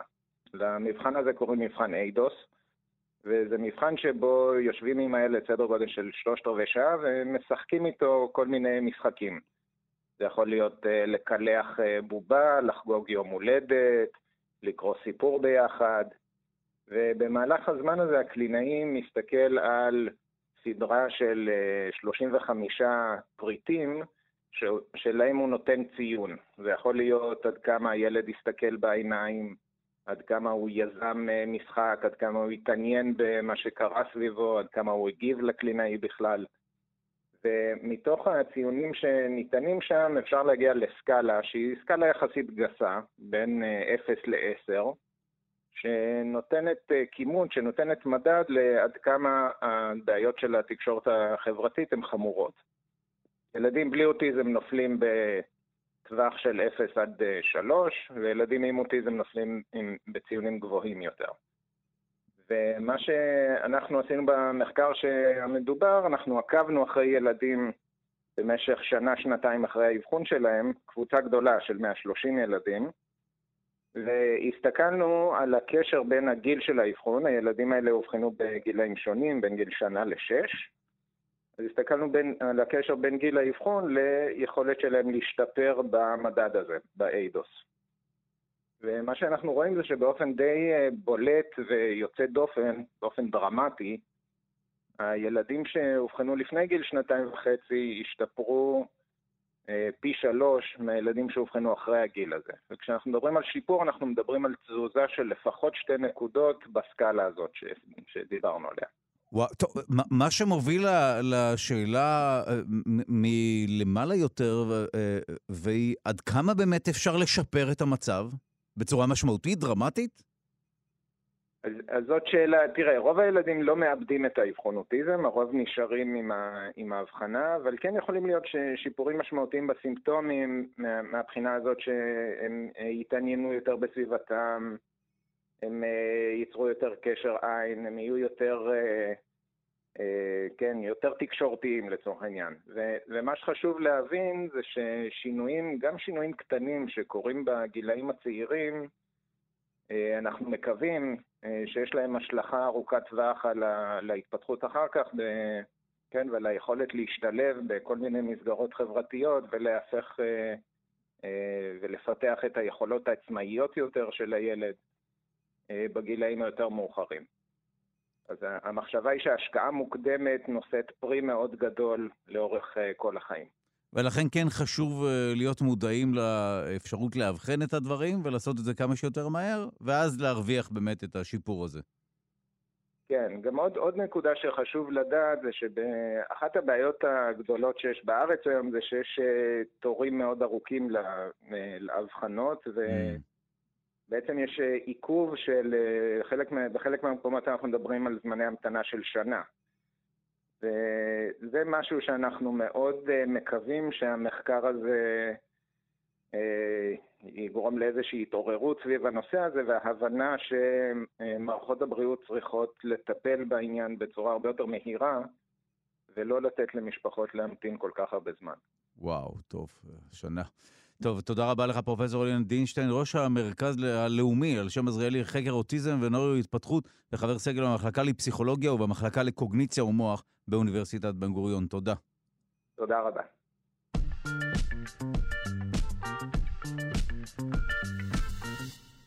הכפפות של פייסבוק, מעבדות המציאות המדומה של מטא, חברת העל של פייסבוק, פיתחו אב טיפוס של כפפות שמאפשרות להרגיש וגם להעביר ברשת תחושות, מגע. אנחנו שמחים לומר שלום לפרופסור סיגל ברמן מהמחלקה להנדסת תעשייה וניהול באוניברסיטת בן גוריון. שלום. שלום רב, בוקר טוב. טוב, אז פייסבוק הפכו להיות תת-קבוצה בתוך מטא, או משהו קטן כחלק, שהוא חלק ממשהו הרבה יותר גדול. בין היתר, יש פה איזושהי כוונה שכולנו נחיה או נחווה עולמות של מציאות מדומה, עולמות וירטואליים, בצורה מוחלטת, ובין היתר הדבר עובר גם דרך הרצון להעביר מגע או לחוש. כן, כן, זה מה שפייסבוק מדברים עליו. והכפפה החדשה היא חלק מהתהליך הזה, אכן. אז מהי אותה כפפה? איך היא עובדת? איך כפפה גורמת לי להרגיש?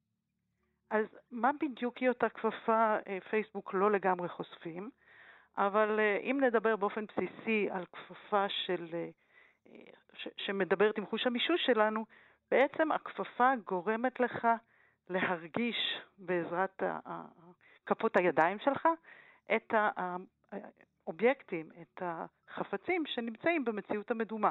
כמו שאתה רואה היום בכל המערכות של מציאות מדומה, אנחנו רק רואים.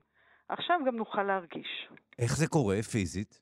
איך זה קורה? אז בכפפת חיישנים, ויש אה, אה, כפפות חיישנים שונות היום אה, בשוק, יש, אה, יש כמה, כמה חלקים.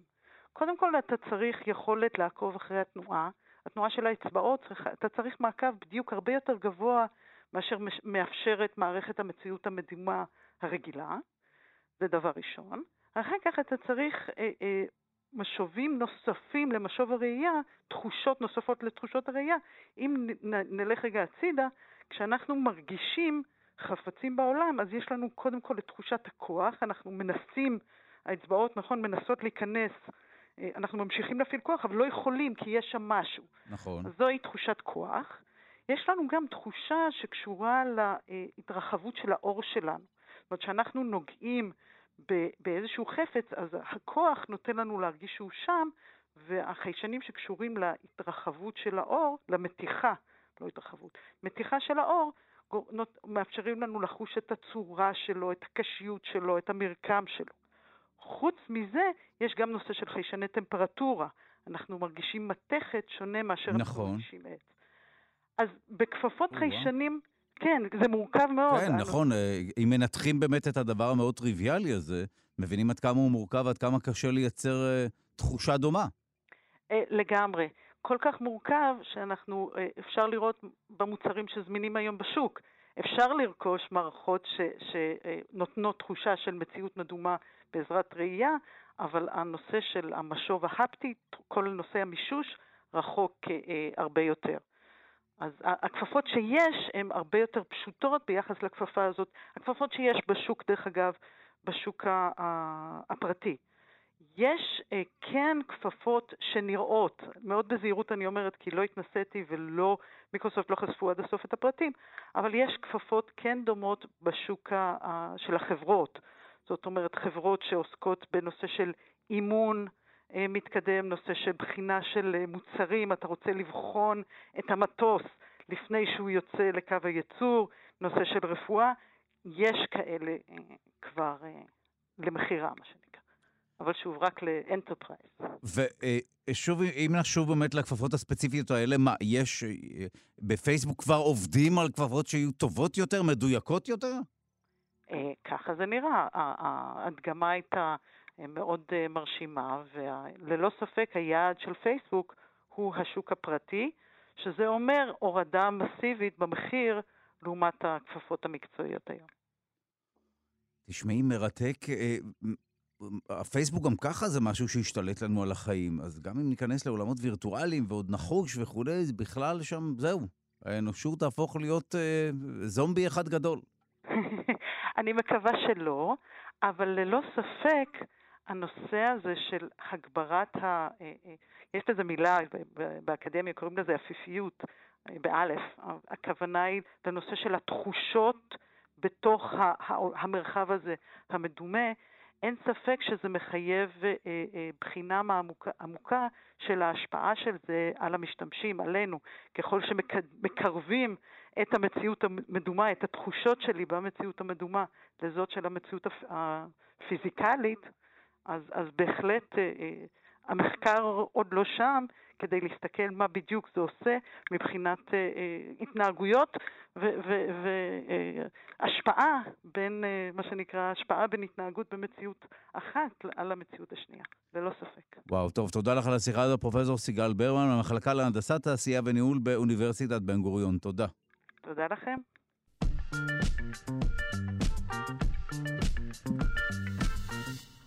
מחדרה ועד סיציליה, אחרי שבע שנות מחקר, זוהה המסע הארוך ביותר של כריש מסוג סנפירטן. מדובר בחוקרי תחנת מוריס קאן לחקר הים התיכון של בית הספר למדעי הים על שם צ'רני באוניברסיטת חיפה, שמקיימים זו העונה השביעית מעקב ותיוג אחר כרישים בתקופה הזו של השנה, והנה הפתעה, הכריש חגי, כך קוראים לו, נושא תג לווייני שמאפשר לעקוב אחריו, והנה הגיעה אה, התמונה אה, שהחוקרים נדהמו לגלות, מדובר במסע שהתחיל בחדרה והגיע לסיציליה הרחוקה. אנחנו שמחים לומר שלום למנהל תחום טורפי על בתחנת מוריס קאהן לחקר הים, בית הספר למדעי הים על שם צ'רני, אוניברסיטת חיפה, מנהל מרכז הדולפין והים של דלפיס, עמותת דלפיס. שלום לדוקטור אביעד שיינין, שלום. שלום, בוקר טוב, דודו. אה, בוא למד אותנו קודם כל על הסנפירתן, אה, תאר לנו את הכריש הזה, אני מיד אראה תמונה שלו. וננסה לתאר למאזינות ולמאזינים איך הוא נראה, אבל ת, ספר לנו מה, מה, מה אנחנו צריכים לדעת עליו.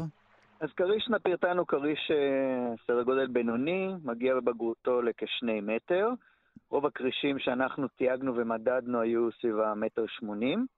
זה כריש אה, שהוא אה, נמצא בים התיכון, אבל אה, לצערו הוא בסכנת הכחדה, האוכלוסיות נמצאות בסכנת הכחדה בים התיכון. ויש מעט מאוד התקבצויות ידועות של הכרישים האלה. אחת היא פה בישראל. דרך אגב, אחת היא באמת באיטליה, אה, באזור הזה. אבל לא ידענו שיש קישוריות בין האוכלוסייה שאנחנו חוקרים mm. פה לבין האוכלוסייה שמתועדת שם באיטליה. ובאמת הנתון הזה היה מאוד uh, מרגש, מעניין, וגם uh, משליך על ההבנה שלנו את המרחב שבו הוא חי, הפרט הספציפי, כי בסוף כשאנחנו רוצים להגן על אוכלוסייה, אנחנו צריכים להבין את מרחב המחיה שלהם, ולהבין איפה המקומות הקריטי, הקריטיים שחשוב להגן עליהם, ושהאוכלוסייה הזאת תישמר, ותחזור אולי למספרים אה, יותר גדולים משהייתה, כמו שהייתה בעבר. מה אנחנו יודעים על uh, המרחב שבו הם חיים? זאת אומרת, הם, הם מרגישים צורך לנדוד? הם uh, מתקדמים כל הזמן הלאה? זאת אומרת, מה, מה גורם לכריש כזה להגיע מחדרה באמת לאיטליה? אנחנו עוד לא לגמרי יודעים אה, את המרחב התנועה של הכריש נפירטן, אה, בטח לא באזור שלנו, ו, ולכן אה, זה הגורמים שמאיצים או גורמים באמת לתנועות הגדולות האלה, הן לא לגמרי ברורות. ייתכן זה אה, מעבר בין אזורי רבייה. ייתכן זה מעבר בין אזורים שבהם יש יותר מזון. אנחנו עוד לא יודעים להבין את הדבר הזה. אנחנו, חלק מהתהליך של ההבנה זה באמת לנטר את התנועה הזאת ולהבין לאן הם נעים. כי עד היום ראינו אותם בתנועה עד למצרים, וראינו אותם בתנועה לקפריסין, עוד לא ראינו אותם בתנועה כזאת גדולה. ו, ובכלל המחקר של תנועה של, של דגים, של כרישים בהקשר הזה, שחיים מתחת לפני המים ולא שוברים את פני המים ואז יש אפשרות ככה להבין איפה הם נמצאים על ידי GPS או על ידי תקשורת לוויינית, הוא, הוא מאוד מאוד מאתגר. והאתגר הגדול היה באמת לקבל את, לק, לקבל את המידע הזה. ויש בעצם שני פטנטים להשיג את המידע הזה.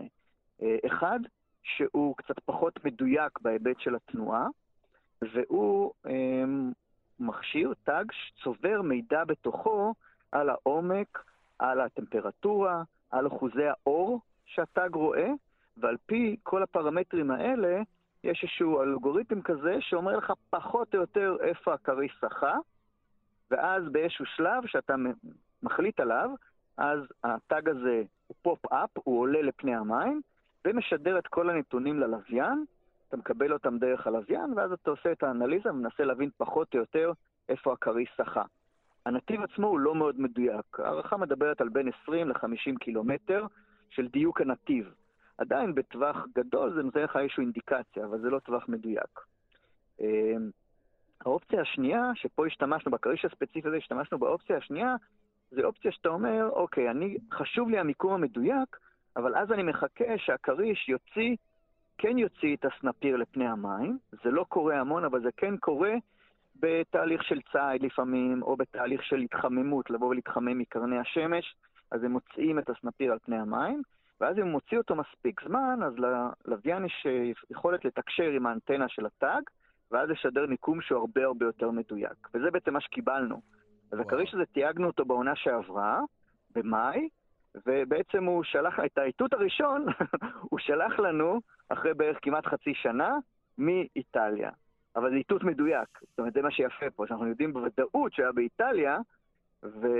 אבל אנחנו לא יודעים איך הוא הגיע לשם. אז בקיצור, האתגר הזה של התנועה הוא אתגר עצום אה, של דגים. הוא עוד לא לגמרי פתור, הטכנולוגיה ככה מתקשה, גם האזור שלנו שהוא חם יחסית ומאוד מלוח, אז כל הצמדת ים קורית על התגים האלה ומה מקשה עליהם את הפעילות. יש כל מיני אתגרים שצריך לפצח אותם, אבל זה בהחלט מחקר ממש מרתק, להבין את התנועה הזאת, להבין איפה הם נעים, מה המוטיבציות, ואז כשיודעים את המוטיבציות ולאן, אז אפשר גם להתחיל לחשוב על פעילות של אה, שמירה עליהם. כמובן זה אתגר גדול, כי זה אז... ככה כלל ים תיכוני. זהו, אתה uh, הזכרת את העובדה שמדובר במישהו בסכנת הכחדה. מה פוגע בהם?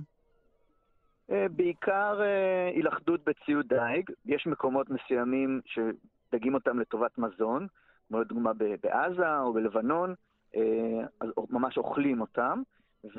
והרבה מה, מהלכידות הם פשוט הם נלכדים בציוד אחר שדג דגים אחרים. ובעצם אין מה לעשות איתם, ופשוט מתים כי הם נתקעים ברשת או בכרס ולא מצליחים לנשום כי אין להם תנועה של מים על הזימים, ואז הם בעצם טובים, כאילו נחנקים לצורך העניין. וואו, אה, אה, שווה לראות אה, תמונה של הסנפירטה, שהוא כריש שהוא קלאסי, נכון? המראה שלו... כריש קלאסי, ממש, כן. קלאסי. קלאסי, קלאסי במראה. נכון. באמת, באחד מהיצורים המפוארים והיפים ש, שקיימים, הוא גם לא מסוכן ל, לאדם, כך אני קורא, ובלי קשר לזה, כמובן שנכון לשמור עליו. חלק מהמאמצים, המאמצים שלכם באמת עוברים דרך כל העניין הזה של מעקב ותיוג וכולי. טוב, תודה לך על הדברים. אה, טוב לדעת שהם גם אה, מבקרים מפה, מחדרה, ישר לאיטליה, ממש כמו רבים מהישראלים. דוקטור אביעד שנין, מנהל תחום טורפי על בתחנת מוריס קאן לחקר הים, בית הספר למדעי הים על שם צ'רני, אוניברסיטת חיפה, מנהל מרכז הדולפין והים של דלפיס, עמותת דלפיס. תודה רבה. בבקשה.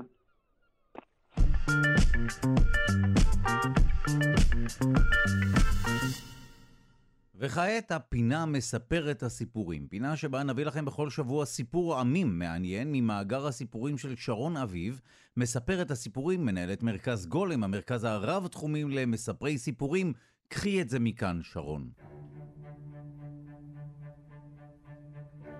השבוע שמתי לב שהימים מתקצרים, הלילות מתארכים, חגי האור מתקרבים, וזה הזכיר לי סיפור שקראתי לפני שנים רבות, סיפור שהתגלגל ברשת וקוראים לו תעבירו את זה הלאה.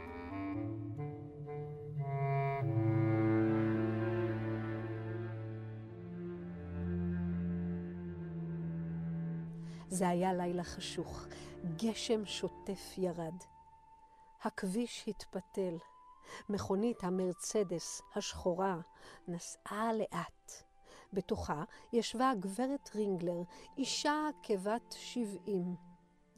היא נהגה בזהירות, אבל לפתע פתאום נשמע מין קול חזק, איבוד שליטה על ההגה, הרכב מחליק מצד לצד, וברגע האחרון היא הצליחה לעצור לפני מעקה הבטיחות. איזה מזל. אבל מה היא תעשה עכשיו? היא יצאה אט-אט מן המכונית, פותחת את המטריה שלה, מסתכלת סביב ומגלה שיש נקר בגלגל. פאנצ'ר. הרחוב שומם, אין אף אחד. היא עמדה והתפללה לנס. ובאמת לא חלפו כמה דקות, ורכב מסחרי עצר לפניה. מהרכב ירד בחור גדול, כבן שלושים, נעול במגפיים גבוהים. בהתחלה היא פחדה, היא חשבה שאולי הוא עומד לפגוע בה או לשדוד אותה, אבל כשהוא התקרב, היה לו חיוך גדול ורחב. נעים מאוד, גברתי, אני בריאן אנדרסון. אני רואה שאת תקועה. את צריכה עזרה? כן, היא אמרה לו, אני לא יודעת מה לעשות. הוא אמר לה, אל תדאגי, אני עובר כאן הרבה, אני מכיר את התקלות האלה. היכנסי לך לרכב, הישארי יבשה, ואני כבר אטפל בגלגל. ובאמת, בלי לומר הרבה, הוא ניגש אל הרכב שלו, הוציא את ארגז הכלים, הוציא את הגלגל הרזרבי מהרכב שלה, והתכופף, הדליק את הפנס והתחיל להחליף את הגלגל. זה לקח אולי רבע שעה, עשרים דקות. הוא חזר אליה ואמר, גברתי, הכל בסדר, את יכולה להיות רגועה ולהמשיך בדרכך. רגע, היא אמרה לו, אתה ממש הצלת אותי. אני רוצה לשלם לך. והוא אמר לה, מה פתאום לשלם לי? אני עשיתי את זה כדי לעזור לך, הכל בסדר, בשבילי זה שטויות. את יודעת מה? במקום לשלם לי בפעם הבאה שאת רואה אדם במצוקה, תעזרי את לו ותחשבי עליי. תודה לך, היא אמרה. הוא חיכה עוד רגע לראות שהיא באמת נוסעת בבטחה, חזר אל הרכב שלו והמשיך בדרכו. והיא, שהחוויה השאירה אותה קצת אה, רועדת, החליטה לעצור בתחנת הדלק הקרובה. לשמחתה היה שם בית קפה. אמנם קטן ומוזנח, אבל בית קפה, היא חשבה לעצמה. ירדה מן הרכב, נכנסה פנימה. המקום היה באמת קטן וקצת מלוכלך, אבל היא התיישבה באחד השולחנות הקטנים, ואז יצאה לקראתה מלצרית בחיוך מתוק. את נראית קצת רועדת, היא אמרה לה. הביאה לה מגבת, נגבה את שערה, הגישה לה קפה חם, ואפילו עוגייה קטנה על חשבון הבית. תודה, אמרה האישה. היא שתתה את הקפה והרגישה איך כוחותיה חוזרים אליה. אז התפנתה להתבונן במלצרית, שהייתה בהיריון מתקדם. היא נראתה עייפה מאוד, אבל זה לא הפריע לה להיות חיונית כל כך ונדיבה כל כך. היא נגבה את השולחנות, מילאה את צנצנות הסוכר, ניגשה מדי פעם לבדוק שהאישה בסדר, שאלה אותה אם היא רוצה עוד משהו. הייתה כל כך נעימה. האישה סיימה את הקפה שלה והשאירה שטר וכתבה משהו על המפית לידו ויצאה. המלצרית מיהרה אחריה. רצתה לתת לה עודף, אבל אז ראתה שהשאירה שם שטר גדול במיוחד של 100 דולר. היא הרימה אותו, ואז ראתה שעל המפית מתחתיו כתוב, זה בשבילך. בגלל שאת כל כך מקסימה. ואין צורך להודות לי, פשוט תעבירי את זה הלאה. המלצרית התרגשה כל כך, הרימה את המפית ואז גילתה מתחתיה עוד ארבעה שטרות של מאה דולר.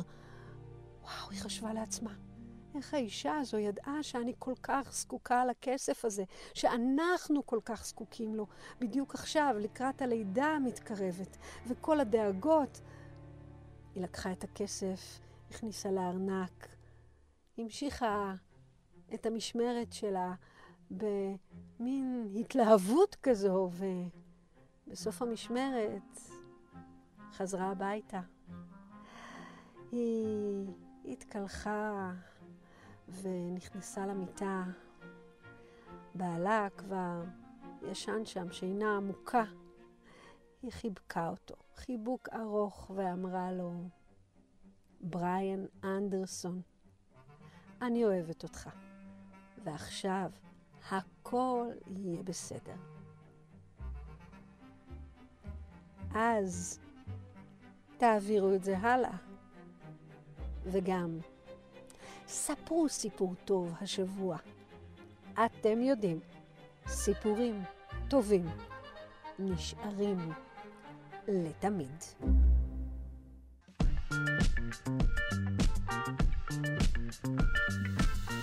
ובמסגרת פינת הקתדרה למוזיקה נציין את יום ההולדת של סקוט ג'ופלין. שלום לי, פרופסור משה זורמן, מלחין מנצח ומייסד הקתדרה למוזיקה בשיתוף דוקטור אסטרית בלצן. שלום. שלום. הכר אז, לנו אותו, מי הוא היה?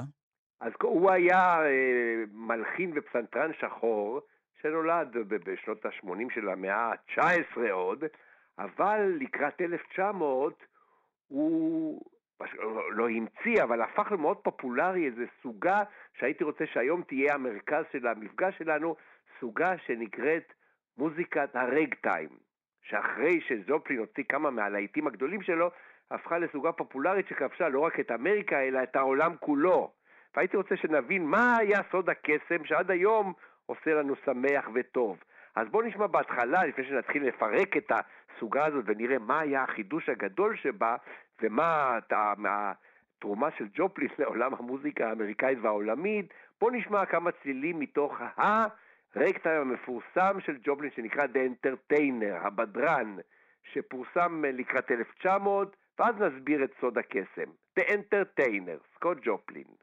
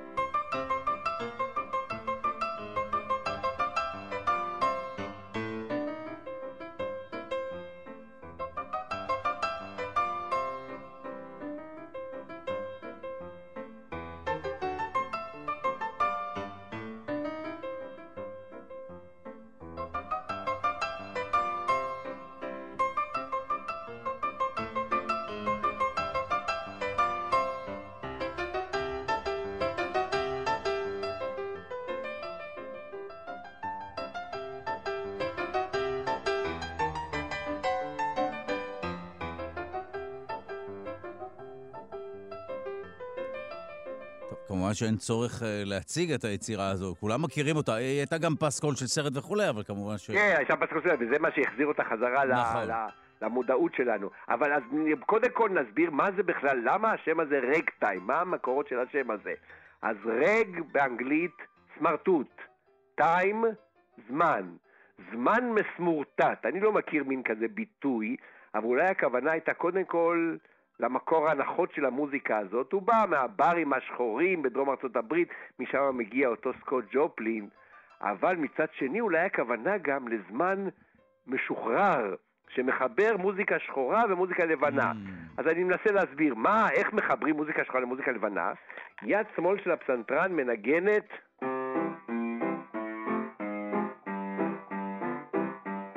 אחת, שתיים, שלוש, ארבע, אחת, שתיים, שלוש, ארבע.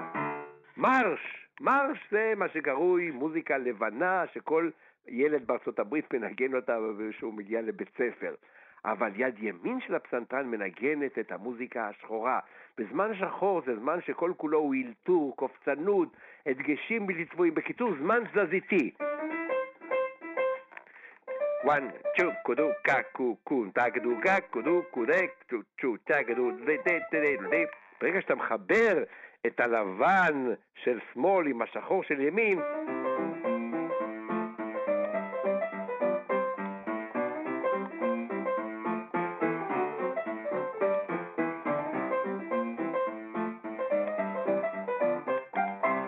תסכים איתי, דודו, שיש במוזיקה הזאת כיף וחדווה אין קץ. לגמרי. מה, נו, מה?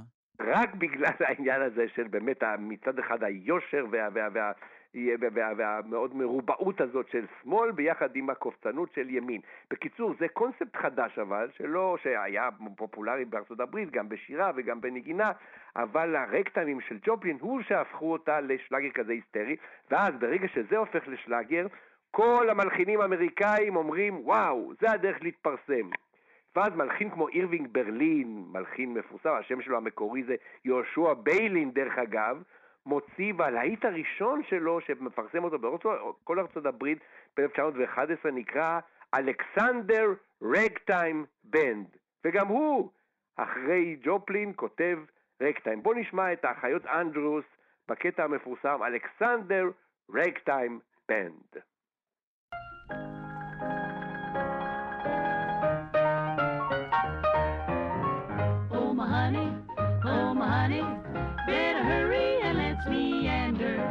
Ain't you going? Ain't you going to the leader man, ragged meter man? Oh, my honey, oh, my honey, let me take you to Alexander's grandstand brass band. Ain't you coming along? Come on in here, come on in here, Alexander's ragtime band. Come on in here, come on in here. באמת סקוט ג'ופלין, הוא המציא את הסוגה הזו שערבבה בין השמאל לימין, השמאל המרג'י והימין המוסיקה השחורה יותר? כן? הוא זה שנחשב ליוצר שלה? לא, לא, לא. מוזיקה זה בכלל סוגה מוזיקלית, היא נוצרת מהרבה מאוד יובלים קטנים שמביאים בסוף לאיזה גאון שכותב את הלהיטים הגדולים. אז מוזיקת רק טיים הייתה מוזיקה מפורסמת בכל ה... המינסטרל שואו, הלהקות הנודדות של, של, של שחקנים בארצות הברית, אבל הוא זה שישב ואמר, אני רוצה עוד קודם כל להעלות את זה על תווים, והוא כתב את כל הרקטיים שלו בתווים, והתווים נמכרו בכל רחבי ארצות הברית, ואמר, אני כותב את ה-The Classical Ragtime, אני מעצב את הסגנון mm. הזה ומביא אותו לאיזה שלמות. אז זה בעצם התפקיד של, של ג'ופלין okay. אוקיי. בסיפור הזה. עכשיו, המוזיקה הזאת, לא רק ש... הייתה פופולרית באמריקה בצורה היסטרית, השמועה על הסגנון הזה מגיעה גם לאירופה הישנה והמנומנמת של תחילת המאה ה-20, שמחפשת בכל כוח איזה חידוש, ואז כל המלחינים הגדולים של אירופה מתחילים לכתוב רקטיימים. די, וואו. אז בואו נשמע, קלוד דה ביסי, מלחין צרפתי גדול, מפורסם, כותב ב-1908 סדרת קטעים לילדים שנקראת Children's Corner, בשביל הילדים הקטנים שלו ובכלל בשביל ילדי פריז. ואחד הקטעים בסדרה הזאת נקראת, נקרא Golliwogg Cakewalk. Golliwogg זה שם של בובה שחורה שהייתה מאוד פופולרית באותו זמן בפריז, ומה רוקדת הבובה? רוקדת cakewalk. cakewalk זה אחד המקורות של הרגטיים, ריקוד העוגה קראו לזה, שמסתובבים סביב העוגה ורוקדים רגטיים. אז בוא נשמע איך הרגטיים האמריקאי האסלי הופך להיות מה שקרוי עוגה צרפתית, crème de la crème, עם הגוליווק קקבוק של קלוד דה ביסי.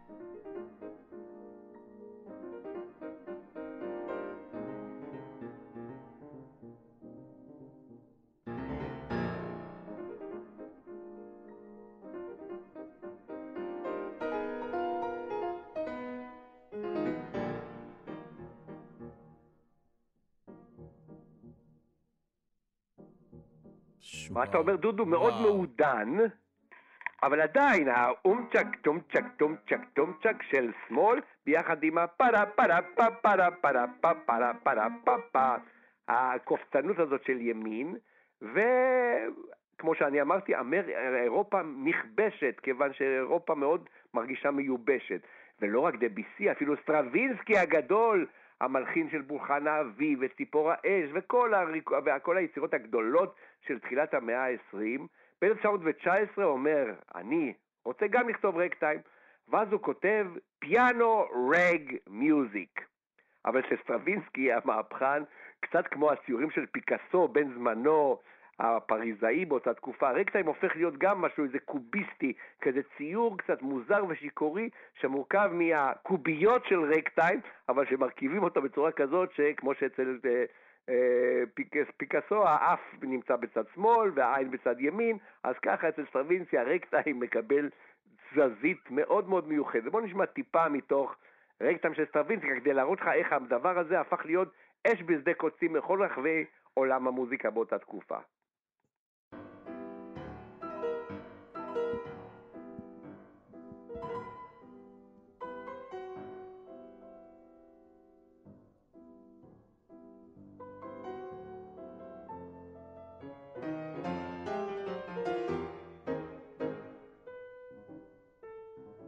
וואו, זה נשמע מוזר מאוד, אקראי כמעט, וואו. אקראי, הכל כתוב כמובן, זה שום דבר לא אקראי, אבל בוא נשמע עוד טיפה, ראש של, של מהפכן, אבל שמנסה להשתלב בעולם שנקרא רקטיים. בקיצור,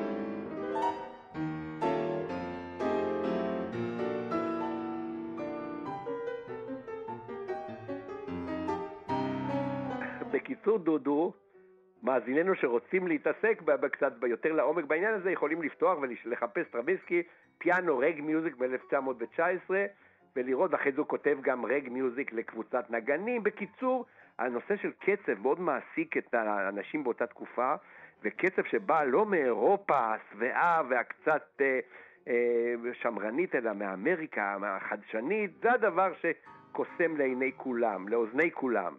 אבל בואו נחזור לג'ופלין, איתו פתחנו את המסע, והייתה הצלחה אדירה לרקטיים, כמו שאמרנו, ברגע שהוא יצא לאוויר העולם עם המוזיקה של ג'ופלין, והעסק הזה הלך ונעלם אחרי שג'ופלין נפטר בשנות ה-20, בשנות ה-30 מגיע זרם חדש, הסווינג, וכובש את אמריקה, ואז שוכחים את הרקטיים לחלוטין. ואז, כמו שהזכרת, ב-73 מופיע הסרט העוקץ, The Sting, עם רוברט רדפורד ופול ניומן, ואז בניסיון לשחזר את העשורים הראשונים של המאה ה-20, הוא לוקח את המוזיקה של ג'ופלין, מרווין המליש המלחין, וזה הפך להיות הפסקול של הסרט The uh, Sting, וזה מחזיר פתאום, וכל אמריקה מתאהבת מחדש בג'ופלין וברגטיים שלו. אז בואו נשמע עוד רגטיים מאוד מפורסם שלו, שנקרא Maple ליף רק, הרק של עץ המייפל.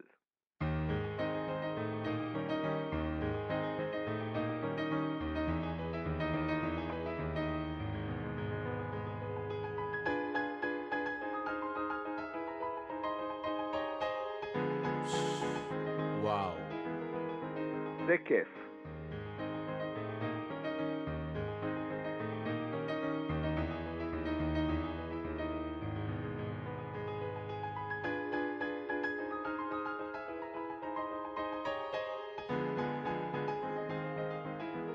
באמת מופת, יצירה, אבל אנחנו כמובן אה, מכירים את זה. אי אפשר היה להימנע מה- מה- מהיצירה הזו. נו בדיוק. כן. וכשג'ופלין אומר אני רוצה שזה יהיה קלאסי, הוא כותב על כל רקטיים שלו play not too fast. אל תעשה מזה איזה מוזיק, מוזיקת קרקסים. אוקיי. נורא הכיף לך לנגן את זה נורא מהר ולהרשים את כולם. לא. אבל לא. נ- נגן לאט, ש- שכל אחד יבין את המהות של הקצב המאוד מיוחד של השילוב, כמו שאמרנו, בין השמאל המסודרת והימין המקרטעת.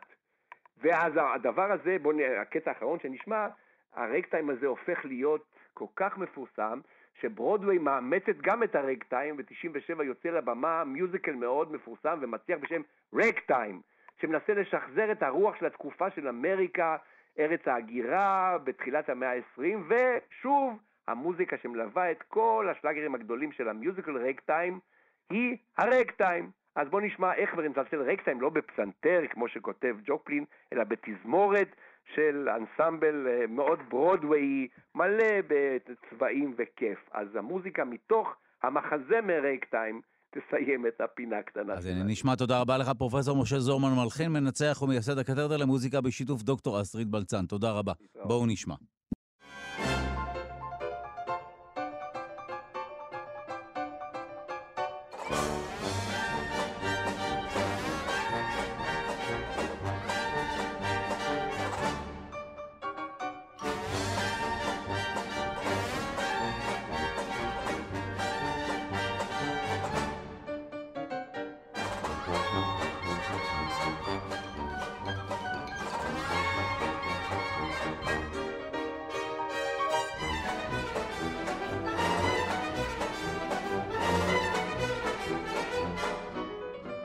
ובאווירת קרקס זו נסיים את התוכנית היום. נספר לכם מי עמל על המשדר. העורך שלנו הוא רז חסון, המפיקה היא אלכסנדרה לויקר, לביצוע הטכני די.ג'י אלון מקלר. תודה רבה ליגאל שפירא שמלווה אותנו.